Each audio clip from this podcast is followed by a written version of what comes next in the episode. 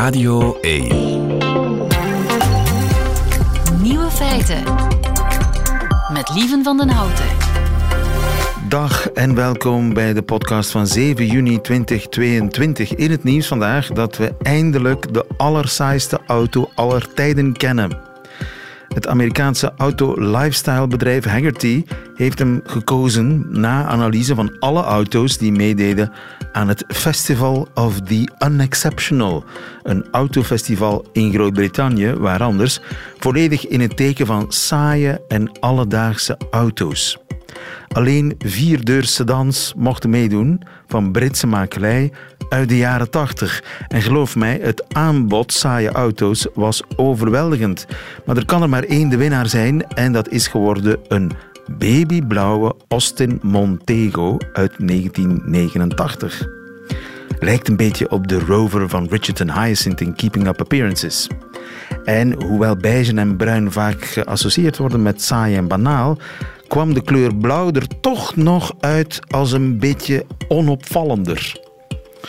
Zo'n 436.000 exemplaren zijn ervan verkocht, maar vandaag blijft er nog een dertigtal over. En mocht u, mocht u dus met zo'n Austin Montego rondrijden, gefeliciteerd. U bent uniek in uw saaiheid. En dat kunnen Opel kadetrijders niet zeggen, bijvoorbeeld. De andere nieuwe feiten vandaag. Prinses Lilian is 20 jaar dood vandaag. Is haar slechte reputatie terecht? 1 tot 3 procent van de mensen heeft afantasie en er is een eenvoudige test om erachter te komen of u erbij bent. En sinds het proces Dap Heard draaien de factcheckers overuren.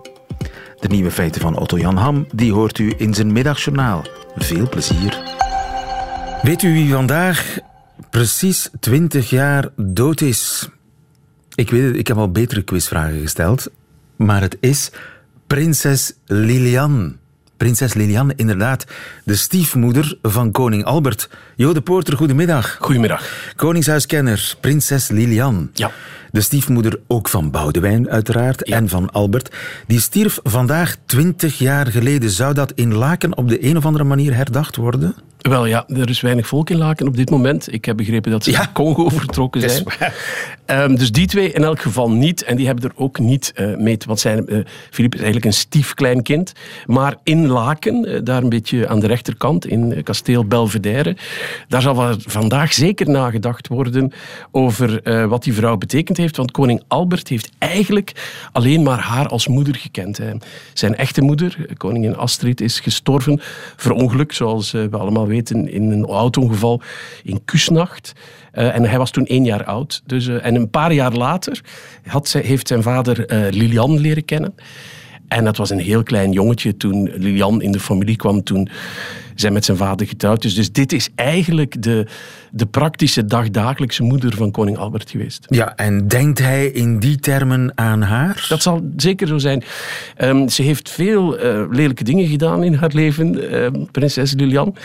Maar bij de categorie wat ze goed gedaan heeft, is dat ze op die drie jonge kinderen, ehm, met name ehm, Josephine Charlotte, dat is de oudste, die later groothertogin van Luxemburg geworden is, en dan Boudewijn en dan eh, Albert, daar heeft ze heel goed op gelet. En ze hebben na de oorlog een tijd in Zwitserland doorgebracht eh, als, een, als, een, ja, als een jong gezin. En koning Albert bewaart daaraan vooral zeer iedereen, eh, alle kinderen, als ze daarover spreken, zijn dat de mooie jaren geweest. Sprak zij ook Nederlands? Dat zal ze gesproken hebben. Ze- was eh, oorspronkelijk uit eh, Oostende, van een, een, rijke burger. Haar vader is eh, eh, gouverneur van eh, West-Vlaanderen geweest, kwam uit een rijke redersfamilie. Zij is in Londen naar school geweest, dus we kunnen vermoeden dat ze goed Engels sprak, dat ze goed Frans sprak en dat ze wel, ook wel Nederlands sprak. Zij het niet van harte, denk ik, want dat soort mensen, dat soort Vlamingen, eh, spreken liever een andere taal dan het Nederlands. Als ze die weg afgelegd hebben van... Ze was de kleindochter van een vissersgezin, dat is haar ook heel vaak verweten door de pers. En als je die weg afgelegd hebt naar de hoogste plaats in de maatschappij, naast de koning, dan spreek je liever Frans, denk ik. Ja. En hoe is ze eigenlijk bij Leopold terechtgekomen? Als dat- kleindochter van ja. Ja, vissers. Een geweldig verhaal. Dat komt door eh, de moeder van eh, Leopold III, koningin Elisabeth, die, hè, van, die van de wedstrijd. En het was beginjaren van de oorlog, de Tweede Wereldoorlog. De voormalige vrouw, Astrid, koningin Astrid, was al zes jaar overleden. En de koning, koning Leopold III, was krijgsgevangene van Hitler op zijn kasteel in Laken. Ehm, en zeer eenzaam. En om hem een beetje af te leiden, had zijn moeder, koningin Elisabeth, een aantal dames voorzien om daar op bezoek te komen, te dineren en misschien ook iets anders te doen dan alleen maar eten in hun mond steken. Maar zo is Lilian daar terechtgekomen en zij is gekomen en ze is gebleven. Alright. En uh, wilde ze dolgraag koningin worden? Volgens, ze heeft altijd officieel naar buiten toe gezegd dat ze dat niet wou. Maar alle bronnen die we hebben daar rond, met name uh, Achille van Akker, de, die man die premier was in die tijd, viermalig premier. Ook haar jongste dochter, Marie Christine, beweren bij hoog en bij laag dat dat het hoogste goed was in haar leven, de titel van koningin verkrijgen. Maar dat dat, uh, ja, dat dat voor haar een groot drama was, dat het niet gelukt is. Omdat ze natuurlijk, ze hebben wat foutjes gemaakt in het begin. Ze zijn in het geheim getrouwd in de oorlog. En als zij koningin had moeten worden, dan had de koning, Leopold III, toestemming van het parlement moeten vragen. Dat is allemaal niet gebeurd. En de grote, de grote geest, het spookbeeld van die bijna heilige koningin Astrid hing daarboven, die wel de koninginstitel had gekregen. Dus dat heeft het allemaal heel erg moeilijk gemaakt. Maar ze heeft zich wel als koningin gedragen haar hele leven lang, dat wel. Ja, en heeft zij, zou je kunnen zeggen dat zij Leopold III ten val gebracht heeft? Er zijn uh, diverse boeken die daar over die situatie gaan en die de titel dragen, de vrouw die Leopold ten val bracht. Um, ze zal daar zeker toe bijgedragen hebben. Zij was, als je de dagboeken van de premier van die tijd erop naleest, van Akker, dan zie je dat zij de grote... Ja, zij was een beetje de, de Meghan Markle van die tijd, maar dan op een hoger niveau en op een veel grotere schaal. En zij was de, de vrouw die die eigenlijk de koning als een soort handpop bediende. En via haar ook de, de zoon Boudewijn. Dus heel veel wie minister moest worden, wie een positie moest krijgen, wie een titel moest krijgen. Al die dingen, daar heeft ehm, Van Akker uitgebreid in zijn, in zijn dagboeken over geschreven, gingen via, gingen via die vrouw. Ja. En hoe schoot ze op met haar stiefkinderen? Ehm, als ze klein waren, heel goed. Er zijn zelfs eh, verhalen, en er zijn ook boeken over geschreven, dat ze haar belangrijkste stiefkind, uh, prins Boudewijn, later koning Boudewijn, iets te na tot de borst drukte. Want het leeftijdsverschil tussen haar en haar stiefzoon Boudewijn was kleiner dan tussen dat en haar man. Haar man was 17 jaar ouder en Boudewijn was maar 14 jaar jonger. En laten we zeggen dat alle historici erover eens zijn dat de relatie tussen prinses Lilian en prins en koning Boudewijn zeer, maar dan ook zeer dicht was. Um, met de jongste. Met Daar gaan zelfs verhalen over een treinreis naar Tirol. Hè? Ja, waar ze in een soortzelfde kajuit, of dat heet niet kajuit, cabine, enfin, kamer. Couchette. Couchette, ja, geslapen zouden hebben. Um, de, de, de, relatie met de oudste dochter, de, die was moeilijker, omdat dat kind al een tiener was toen zij in het gezin kwam en die de, haar positie minder aanvaarde. Maar met de twee anderen, maar natuurlijk de grote breuk is gekomen als in 60 uh, eh, een, een, een Spaanse donna in het Koningshuis gekomen is en als Fabiola de plaats en de titel van um, koningin heeft opgenomen. En daar is het echt radicaal misgegaan. Grote vetes tussen de prinses en de koningin. En de kinderen, Albert en Boudewijn, die niet meer durfden hun vader opzoeken en dat alleen nog deden op geheime plaatsen en vaak zelfs in vermomming om de toren van Lilian uh, te ontwijken. De toren van Fabiola? En de toren van Fabiola, alle twee. Right. En daarna geen Lilian meer te zien hè? op huwelijken, doopsels, begrafenissen. Ja, Lilian heeft dan, eh, zodra Fabiola gekomen is, heeft die de officiële plaats van eerste vrouw van het land ingenomen. En is Lilian eigenlijk ehm, naar achter geduwd, wat ze zelf ehm, helemaal niet was. Ze heeft dan nog, ze heeft drie kinderen van zichzelf gekregen, waar ze ook zeer gemengde tot slechte relaties mee had. Het is het legendarische verhaal van haar dochter Marie-Christine, die nu in de Verenigde Staten woont, waar ze ja, grote ruzies en drama's en vechtpartijen, ook zij heeft daar een boek over geschreven, gepast getiteld De Breuk. Dus met die kinderen ook... Ze, de- haar zoon, prins Alexander, heeft ze ook jarenlang niet mee gepraat. De enige waar ze nog een redelijke relatie mee had, hoewel die ook eh, moeilijk verliep, was met eh, de, de jongste dochter, eh, prinses Esmeralda, die nu in Londen woont. Maar ook als zij over haar moeder vertelt, krijg je een zeer gemengd verhaal van goede kanten, maar ook van veel minder kanten. Ja. Ja, het, het is een sprookje natuurlijk, het Koningshuis. En in een sprookje hoort een boze stiefmoeder. Ja, en zij was inderdaad... Er is ehm, een, een legendarisch eh, boek over haar door een zeer eh, nauwgezette biograaf geschreven man die helemaal niet... eh, enfin, ik zal je zeggen wat hij over haar schreef. Zij was een dominante vrouw, een eerzuchtige vrouw, een opvliegende vrouw, een haatdragende vrouw en ze was niet ontdaan van enige spilzucht. Dus als dat jouw bi- officiële biograaf neerpent, dan is er toch wel misschien iets aan de hand. Vandaag, 20 jaar geleden gestorven, prinses Lilian Jodepoorter. Dankjewel. Goedemiddag. Goedemiddag. Nieuwe feiten. We gaan een kleine test doen in Nieuwe Feiten. Een soort van experiment. U kunt thuis ook meedoen. Of op café of waar dan ook. In de auto kan ook. U moet wel langs de kant gaan eh, staan. Want eigenlijk moet je met z'n tweeën zijn. Ik denk dat het met een selfie-camera ook zou kunnen. In de videostand. Maar het is makkelijker met een proefkonijn. Gilles Wijkmans, goedemiddag. Ja, het klassieke proefkonijn van Nieuwe Feiten. Eh, eh, van de redactie van Nieuwe Feiten. Mag ik je testen? Altijd. Gilles, je moet wel, ik moet wel in je ogen kunnen kijken. Mhm. Alright. En dan moet jij je een zo donker mogelijk vlak voorstellen. Oké, ik, ik probeer me even te concentreren en Ja? ik zal aan een donker vlak denken. Echt aardig. Ja, het werkt. Het werkt gewoon. Geweldig. Je pupillen werden groter. En dat betekent dat ik je mag feliciteren, Gilles. Oké, Je bent geen afantast. fantastisch. Tom Bekkers, goedemiddag. Goedemiddag, lieven. Tom Bekkers, jij bent eh, professor cognitieve psychologie aan de Universiteit van Leuven. Klopt. En het zijn collega's van jou in Parijs en Sydney die ja, de pupillentest, zoals ik hem nu maar noem, eh, eh, en die ik zo pas heb uitgevoerd bij eh, Gilles, die hebben ontdekt dat dat een betrouwbare manier is om te checken of iemand afantasie heeft. Wat is afantasie? Ja, afantasie is een soort van eh, ja, een aandoening, zou je het kunnen noemen. Een conditie waarbij mensen niet het vermogen hebben om zich zelfs niet een beetje ehm, iets visueel voor te stellen. Dus een, een afwezigheid van visueel voorstellingsvermogen. Geen geestesoog hebben. als Geen geestesoog, mentaal in het duister tasten.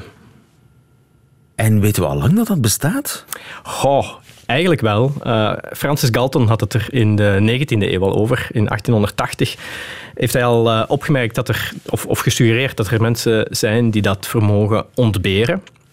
Maar die suggestie is toen een beetje verloren gegaan. In de loop van de vorige eeuw zijn mensen wel wat onderzoek beginnen doen naar de mate waarin dat er verschillen zijn in hoe levendig het voorstellingsvermogen van mensen is. Maar het is eigenlijk maar in 2015 dat iemand opnieuw dat idee heeft opgepikt dat er echt mensen zijn die die faculteit, dat vermogen, volledig ontberen. En die daar een label op heeft geplakt, afantasia. Afantasia, afantasie in het Nederlands. Mag jou ook eens testen? Je mag me testen, lieve, maar ik weet nu al wat de uitkomst zal zijn. Hoezo? Ik heb zelf ook afantasia. Je bent een afantast. Ik ben een afantast. Ja. Oké. En wanneer ben je erachter gekomen? Ja, eigenlijk niet zo lang geleden. Eh, Een aantal jaar geleden ben ik er zelf maar achter gekomen. En ook alleen maar omdat ik erover las in vakliteratuur. En er mij toen een lichtje ging branden van, maar dat, dat ben ik. En de tja was eigenlijk vooral, ook bij mij, tja, er zijn dus mensen die dat wel kunnen. Zich dingen levendig voorstellen, bijna alsof ze ze echt kunnen zien. Want ja, ik was er altijd van uitgegaan dat niemand dat echt kon. Dat dat een soort metaforisch taalgebruik was. Inbeeldingsvermogen. Wauw. en eh, wanneer heb je dan je coming out gedaan? Ja, ik denk, dit is mijn eh, officiële coming out, denk ik. Dit is jouw officiële Live op de coming radio, out. Ja. Eh, ja, het is heel moedig, Tom.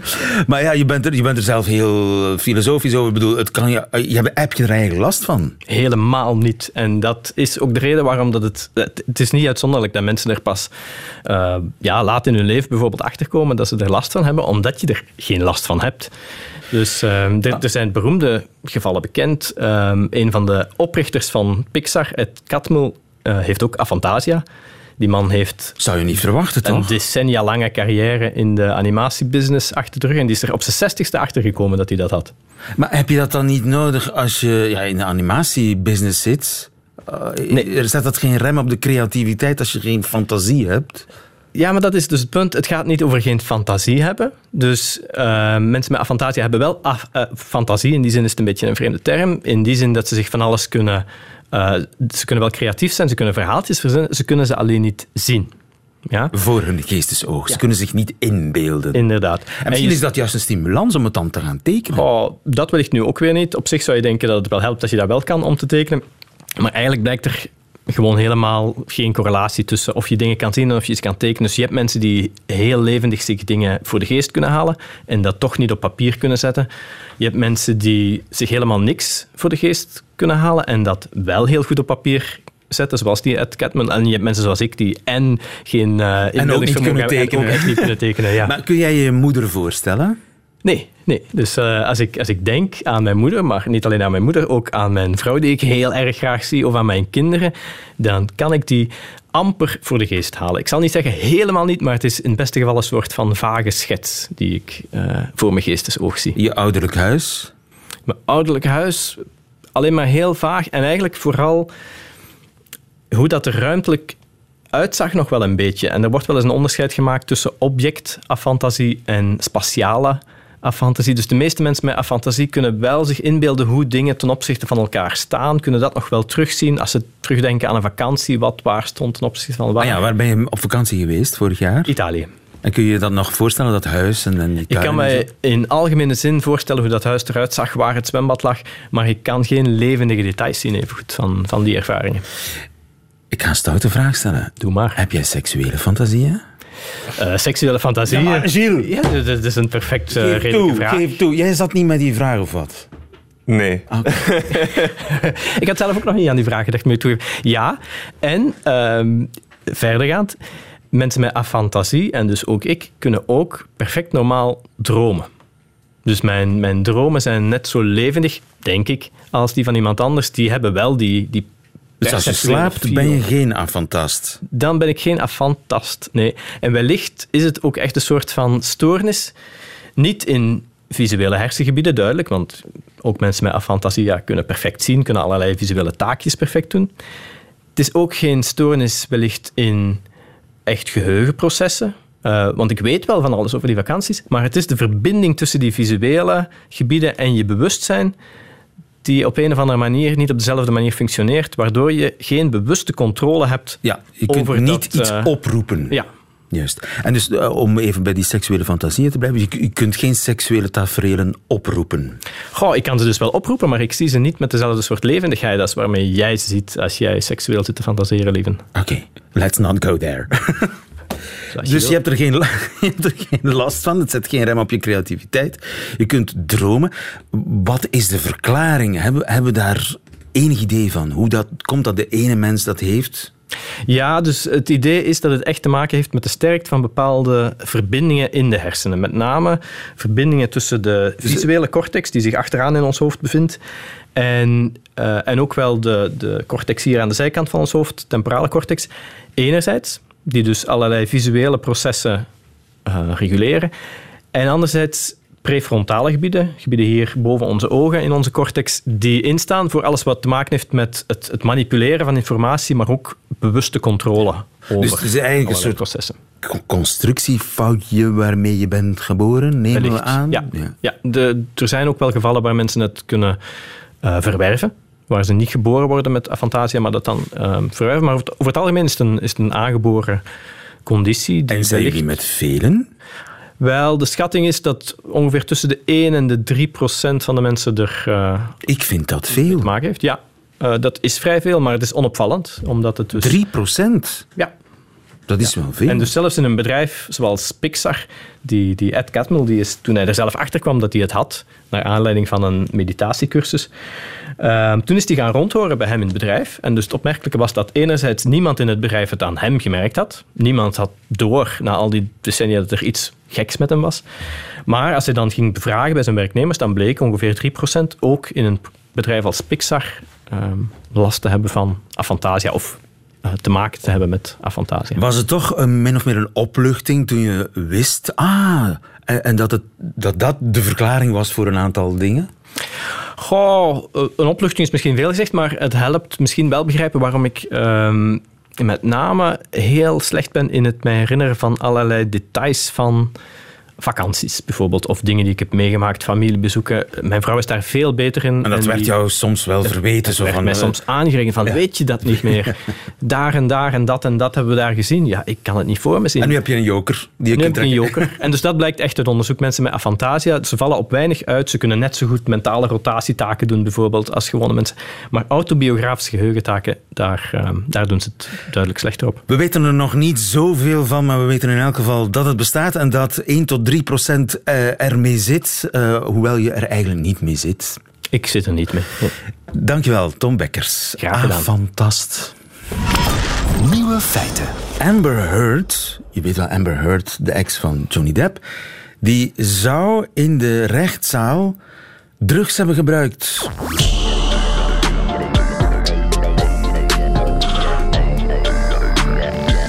De nieuwe feitenchecker. Je komt als geroepen, Rien Emery, Hoi. onze nieuwe feitenchecker. Ja, je kon er de afgelopen maanden niet aan ontsnappen. Op de sociale media, het proces tussen Johnny Depp en zijn ex-vrouw Amber, Har- Amber Heard. En ik heb ongelooflijke berichten gelezen, zoals onder meer dat ze drugs zou hebben gebruikt in de rechts. Waar komt dat vandaan? Verschillende soorten drugs, trouwens. Ja, cocaïne en pillen. En waar komt dat vandaan? Het, het gaat om beeldmateriaal, filmpjes, die je ziet van Amber Heard in de rechtszaal. Waarom? Omdat alles gefilmd is. Het hele, het hele proces was te volgen op YouTube en op eh, allerlei andere livestreaming sites. Dus dat is allemaal gefilmd. En wat, wat is er aan de hand? Ze snuit gewoon haar neus, want ze heeft veel tranen gelaten bij haar getuigenissen en zo. Ze snuit haar neus en ze doet op een nogal rare manier, waarbij ze eh, elke neusvleugel apart dept. Stom werkwoord, maar in deze context. Eh, mensen lichten dat klein fragmentje uit de context en zeggen van... Ah, ze is helemaal niet haar neus aan het snuiten, ze is coke aan het snuiven daarin. Geen, geen enkel bewijs voor en het is ook niet echt logisch. Een ander stom iets is... Je ziet op een gegeven moment een soort eh, ademmuntje, een, ademverfrisser eh, van, vanuit haar handtas nemen. Oh, dan krabt ze achter haar oor en dan eet ze het muntje op. Eh, ze hebben de eerste twee seconden ervan, ervan geknipt en, en gedaan alsof dat ze een, een pil van achter haar oor nam om, om, om pillen te nemen in de rechtszaal. Dus zo'n zo'n stomme dingen werden verspreid over dat proces eh, via geknipte video's. Ja, en er zou ook een tegenspeler van Heard haar belachelijk hebben gemaakt in de rechtszaal. Hoe zit dat? Eh, ja, er- zijn dus eh, video's op YouTube. Ik weet niet of je een fragment hebt of niet. eh. We hebben iets. ja. Well, Amber and I were in the pool recording the scene. And She pointed at the water, said, "Look at that beautiful brown fish." I don't understand. Go- What was it? Uh, well, it was, uh, shall I say, Amber's turn. Welke stem horen we Ja, hier? dit was zo gezegd Jason Momoa. Dus Jason Momo- Momoa is ook een acteur. Hij speelt de hoofdrol in Aquaman, de superheldenfilm. En Amber Heard speelt ook mee in Aquaman. Eh, er was een wat, hele... zegt, wat zegt hij hier? Hij zegt, hij zegt dat tijdens, een van het, tijdens het filmen van een van de scènes in Aquaman, dat ze eh, in het water een, eh, een kleine eh drol zo laten drijven hebben. Eh, waarom? Omdat dat een verwijzing is naar een van de scènes die in het proces aan bod kwamen, waarbij Johnny Depp op een ochtend wakker werd en er lagen uitwerpselen in zijn bed naast hem, waarvan hij zei van dat is van Amber. Maar zij zegt van nee, het was van mijn hond. Dus wat is er gebeurd? Dit was niet Jason Momoa natuurlijk. Het was een imitator van Jason Momoa.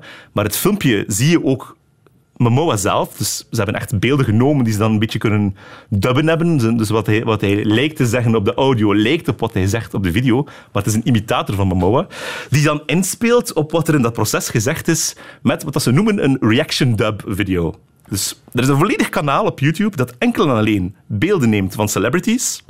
En dan eigen audio, imitator, stemmen erop zet. Alsof ze commentaar aan het leveren zijn op gebeurtenissen, onder andere ook dat proces. Ja.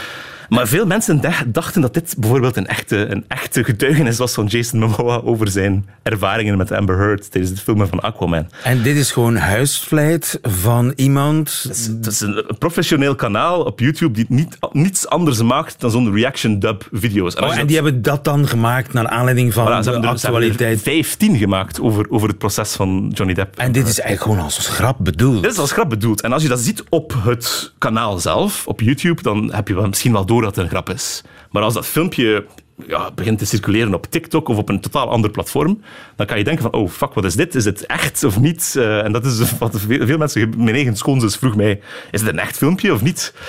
Ehm, omdat het relatief goed gemaakt is. Eh, zelfs al eh, als je niet goed oplet, of je audio is niet zo goed, of je, je beeldscherm is niet zo goed, dan kan je nog wel erin trappen. Ja, en dat is eigenlijk ook klassiek, dat iets niet bedoeld is als fake news. Ja, ja, als, heel maar vaak. als grap, maar dan, dan plotseling toch fake Voilà. news wordt. Puur omdat het uit de context wordt gehaald. Dat gebeurt heel vaak. Heel vaak. Zelfs haar eigen advocaat zou haar hebben willen saboteren. Ja, dat is nog een ander type van eh, gerucht dat toen eh, circuleerde over het proces. Er was een beeld opgedoken van Johnny Depp op de Rode Loper bij de première van een van zijn films jaren geleden, tien jaar geleden.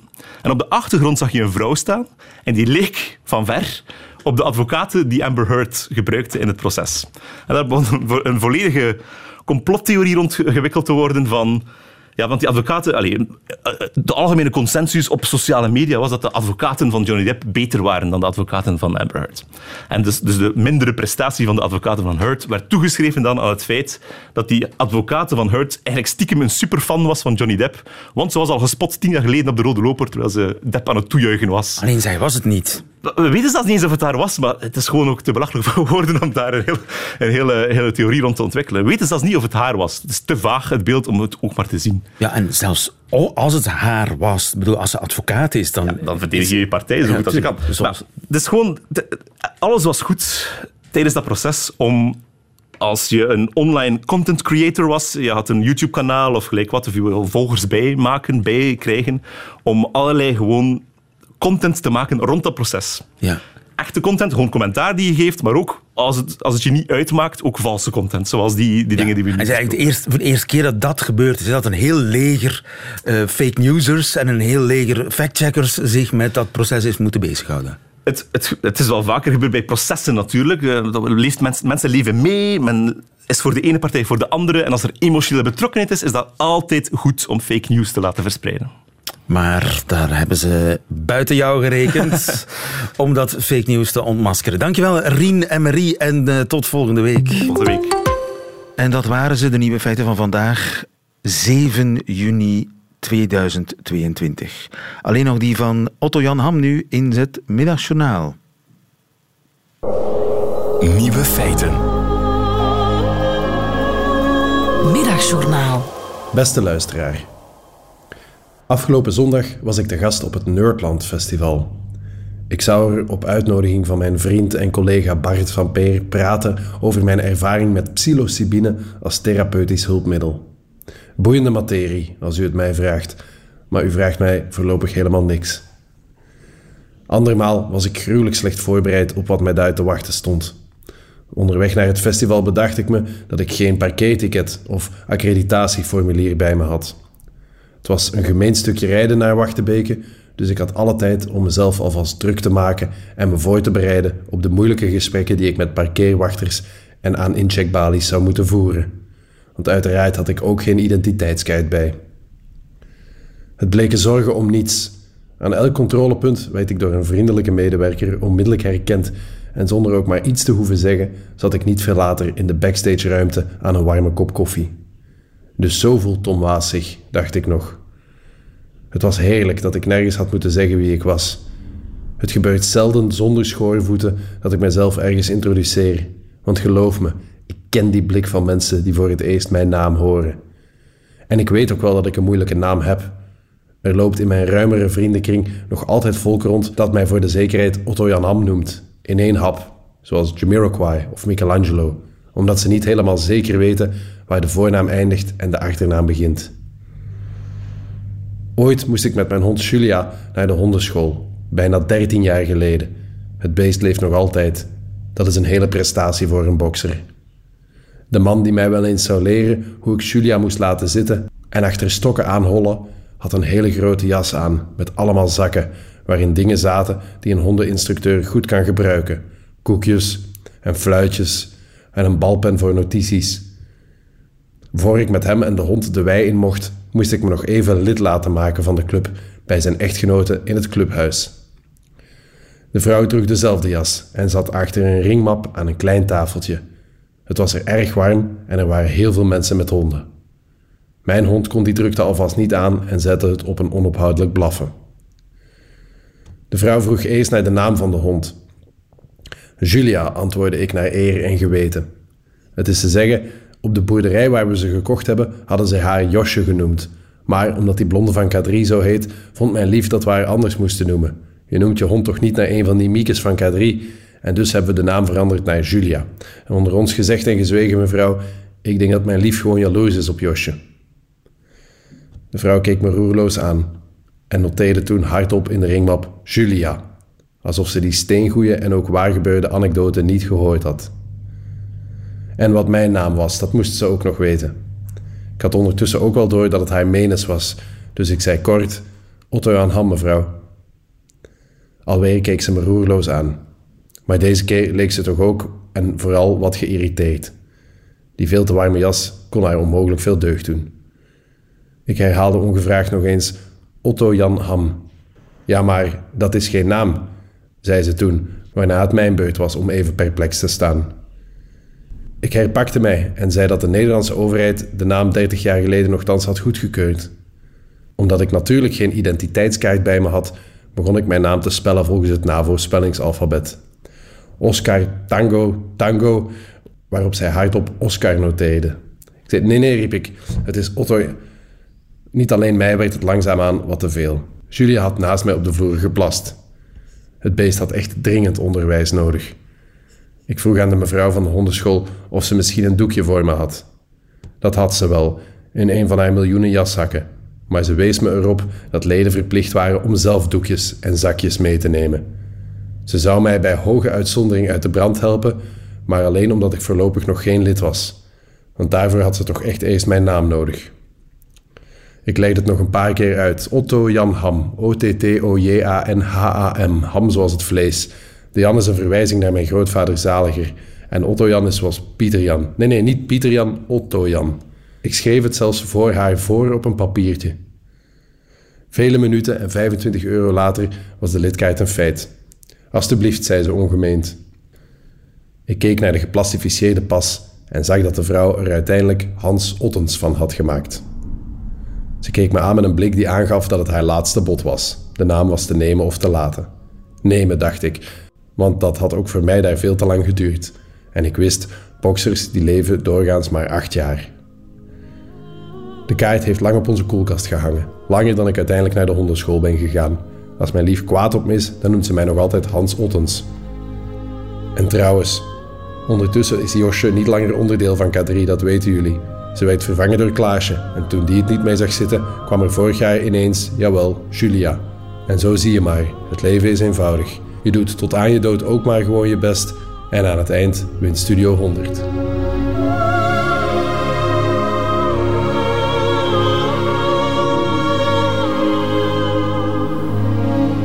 Otto Jan Ham heet hij, geloof ik. Of zou het toch Hans Ottens zijn? Ik twijfel plots. Einde van deze podcast. Hoort u liever de volledige nieuwe feiten met de muziek erbij? Dat kan natuurlijk als u rechtstreeks luistert op Radio 1 elke werkdag tussen 12 en 1.